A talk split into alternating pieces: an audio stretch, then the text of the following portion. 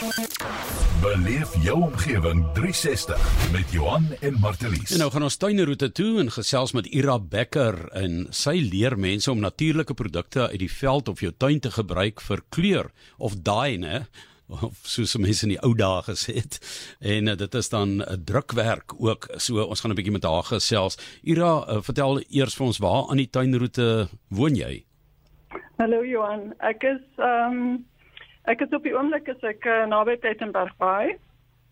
Ehm um, so daar's uh, so ek met in die fynbos area waar en uh, ek moet sê dat net so amper net so veel indringerplante as fynbos.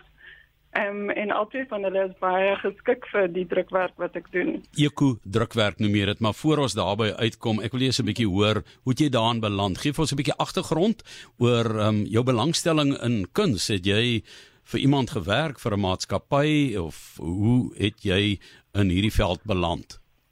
Uh, nee, Johan, ek het ek het maar so ehm um, intuïtief daarin beland. Ehm um, ek het glad nie kuns op skool geneem of gestudeer nie, maar ehm um, dit het later eers uitgekom as 'n natuurlike geneigtheid. Ehm um, so ek ehm um, jy weet ek werk met die Mhm. Mm Ekskuus tog. Ehm um, ek is in 'n publieke spasie en daar is net 'n klein onderbrekingkie hierso. Ehm um, so ek het um, eers ook mosaïek begin doen het, het ek 'n medium gevind wat vir my baie maklik was om om myself aan uit te druk.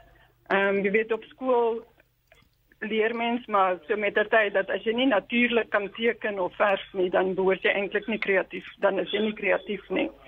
En ek het uh, eers in my 30's agtergekom dat dit glad nie waar is nie en dat enige iemand kreatief kan wees en dat enige iemand die enige enige iemand die enige iemand enige iemand die vermoë het om kuns te maak. Ja, yes, jy moenie bekommerd wees oor die mense daar agter jou nie. Hoor, ons hoor hulle ver in die agtergrond, Ira. Ek nee, hulle wil ja. letterlik die stoele uitneem waarop ek sit. Dis 'n probleem, maar jy kan jou eie stoel bring en dan hom met mosa uh, mosaïek oortrek, dan is hy ja. baie swaarder, maar jy jy jy's daardie gewig en daai uh, al die skerp materiaal en swaarder materiale waarmee jy gewerk het later want ek dink dit was amper 13 jaar wat jy met mosaïek gewerk het, hè? Ja. Ja, dit is 'n wonderlike medium om om in te werk. Maar dit het op 'n stadium met dit vir my bietjie te hard geraak. Jy weet die ehm um, met al die skerfies om met al die skerfies te werk en ehm um, so ek het toe na iets sagter gesoek. Ja, ek om my uh, self mee besig te hou.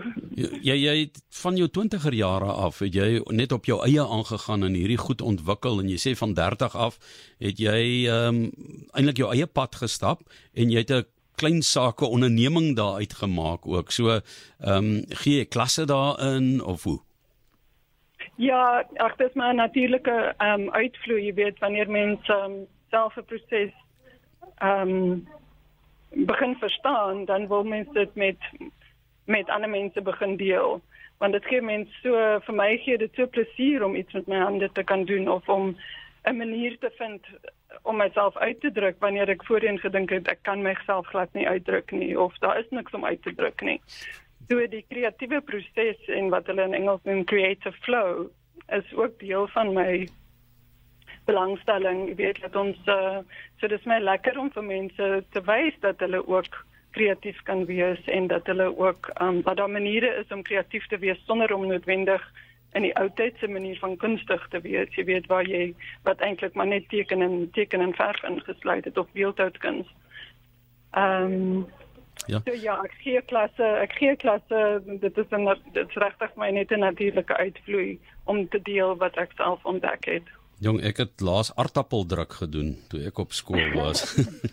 jy Hierdie is meer gekompliseerd Johan, dis al wat ek wil sê. So dit is blare wat gepak word op 'n stuk lap en dan rol jy met 'n stok. So verduidelik asseblief vir ons die proses. Dit kom gekompliseerd voor. Is dit moeilik?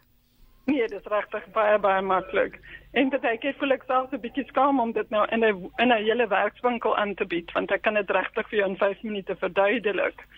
Maar in 'n werkswinkel natuurlik kry mens die hele ervaring van gaan stap in die bos en versamel blare en dan kom jy terug en rustig pak jy die lap, die die blare nou op die lappie uit.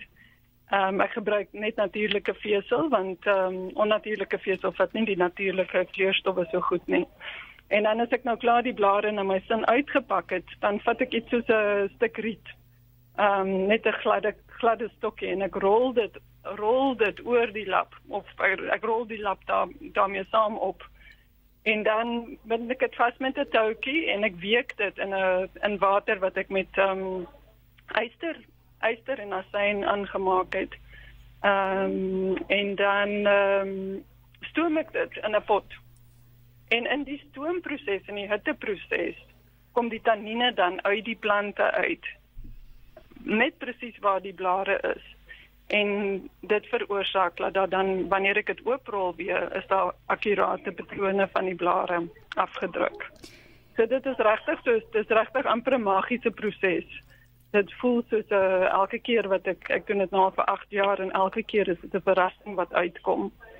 En jy jy sê sê nou dis 'n verrassing. Jy weet nie regtig presies hoe dit gaan uitkom nie. Jy sê ander kunstenaars mik bietjie vir vir beter voorspelbaarheid. Hoekom is dit vir jou belangrik om liewer daardie verrassing element in die proses te behou? vir my is die, die verrassingselemente deel van die deel van die jy weet dit is my soos elke keer is dit my bevestiging dat daar magic is in die wêreld. Ehm um, iets wat ek nie kan voorspel nie en iets wat ek nie kan beheer nie. En ehm um, daar's baie mooi metafore daarin wat mense uh, vir die lewe kan vind. Jy weet dat ons nie alles kan beheer nie, maar dat maar dat daar tog onverwagte skoonheid um, na ons toe kan kom. En ehm um, so vir my op 'n stadium het ek 'n vrou gehad vir 'n vir 'n werkswinkel byvoorbeeld. Sy was 75 en sy was haar hele lewe lank 'n beeldhouer. En na die werkswinkel het sy vir my 'n liriese brief geskryf wat sy gesê het dit was vas so heerlik om vir 'n hele dag lank nie iets te kan beheer nie. Dat sy net haarself kon oorgee aan die proses. En wat ook al wat ook al uitkom sou pragtig wees. Dis 'n baie groen Dis waar die waarde vir my lê. Dis 'n groen proses, né? Nee, ek bedoel dis ekovriendelik. Dit word genoem eko-drukwerk. Ja. So die kleurstowwe vertel vir ons waarmee jy werk, natuurlike kleurstowwe en waar kry jy dit? Hoe toeganklik is dit vir jou? Byvoorbeeld dink ek dit terloops interessant genoeg uh, gehoor van 'n kleurmuseum waar hulle van die oudste kleure wat gemeng is nou bewaar vir mense om dit te kan sien in die toekoms. So natuurlik is daar verskillende maniere kleur uit die natuur verwerk. So waar kry jy natuurlike kleurstowwe vandaan? Die ehm um, natuurlike kleurstowwe kom van hier by ek nou is dit regtig oral om my. Ehm um, ek werk spesifiek met plante wat tannine bevat. En so tannine kom voor in plante soos fynbos, bloekom, ehm um, ag so baie peperbome het bietjie tannien in verskillende verskillende basse, verskillende blare, verskillende bessies het almal tannine in. En ehm um, die tannine werk ook baie goed saam met ysterwater of yster ehm um, en deur die deur die eeue lank is uh, het mense metaalsoute gebruik saam met kleurstowwe om die kleure te beïnvloed. Ehm um, so byvoorbeeld aluminium sal al die gele en groene natuurlike kleure uitbring waar die waar die yster meer bruine en donker kleure uitbring. En so kan mense met metaalsoute kan jy ook die kleure beïnvloed. Ira, die ja. woord tannine kom baie keer voor in wyn, hè? Ehm um, dit is uh, oh, ja. ja, dit is iets wat baie belangrik is. So is daar plante waarmee jy glad nie kan werk nie wat nie vir jou kleur gee nie as gevolg van lae tannine. Absoluut. Ehm um, wat ek op die, wat ek so deur my werkswinkels gesien het en deur die verskillende plante wat wat ons al getoets het. Ehm um, lyk dit vir my asof eetbare plante nie tannine bevat nie. Want tannine is eintlik 'n 'n 'n chemikalie wat in plante voorkom of 'n stof wat in plante voorkom wat hom beskerm teen indringers. Dit is eintlik amper soos 'n gifstof of 'n jy weet dit smaak bitter op jou tong. So ehm um, dit is my amper asof die natuur van nature weet dat plante wat eetbaar is, ehm um, gaan geëet word. Jy weet dit is amper asof dit dit dit dit daar's 'n daar's 'n diepe diepe ehm um, deep understanding dat ehm um, daar sekere plante is wat nie hulle self beskerm nie want hulle is eetbaar of, of hulle is medisinaal en hulle wil graag gebruik word. Waar ander plante om wat ook al rede wel die tannine bevat. En ehm um, die tannine is ook nie almal dieselfde kleur nie. Daar's verskillende tannine en ek ag ek wens ek het 'n um, jy weet 'n chemikus of iemand gehad langs my wat my kan verduidelik of navorsing doen. Maar daar's baie tannine wat byvoorbeeld geel is en ander wat pink is en ander wat blou is. Hmm. En so vind ek verskillende kleure, jy weet deur deur deur hulle te toets. Ehm um, dis is om dit te maak. Jy weet ek pluk 'n klomp blare gooi warm water op hulle en sien wat kom uit. Ja. En so kan mens toets of wat tannine is in 'n plant of nie. So jou bestanddele is die plante, die minerale, die lug, die vuur, die water en bring dit bymekaar en jy maak 'n kunswerk op watter tipe materiaal uh, sou jy aanbeveel mense dit moet probeer? Definitief natuurlike kleurstowwe. Ag, ekskuus, natuurlike ehm um, materiale. Katoen? Um, van natuurlike plante, katoen, linne, ehm um, sy, wol, ehm um, dacht mens kan baie in detail ingaan oor ehm um, verskillende lappe wat beter is of of meer absorberend is. Wat vir my die beste werk is tweedehandse eh, lappe of klere wat reeds gewas is.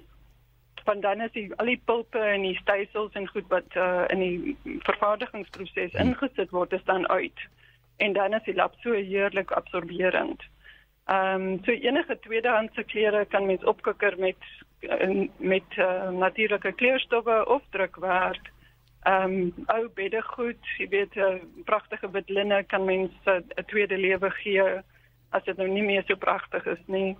En ehm um, ek gebruik dit selfs deesdae om op wol te om wol te bedruk en te en te kleur wat regtig baie mooi werk. Hulle hulle hulle spreek regtig tot mekaar.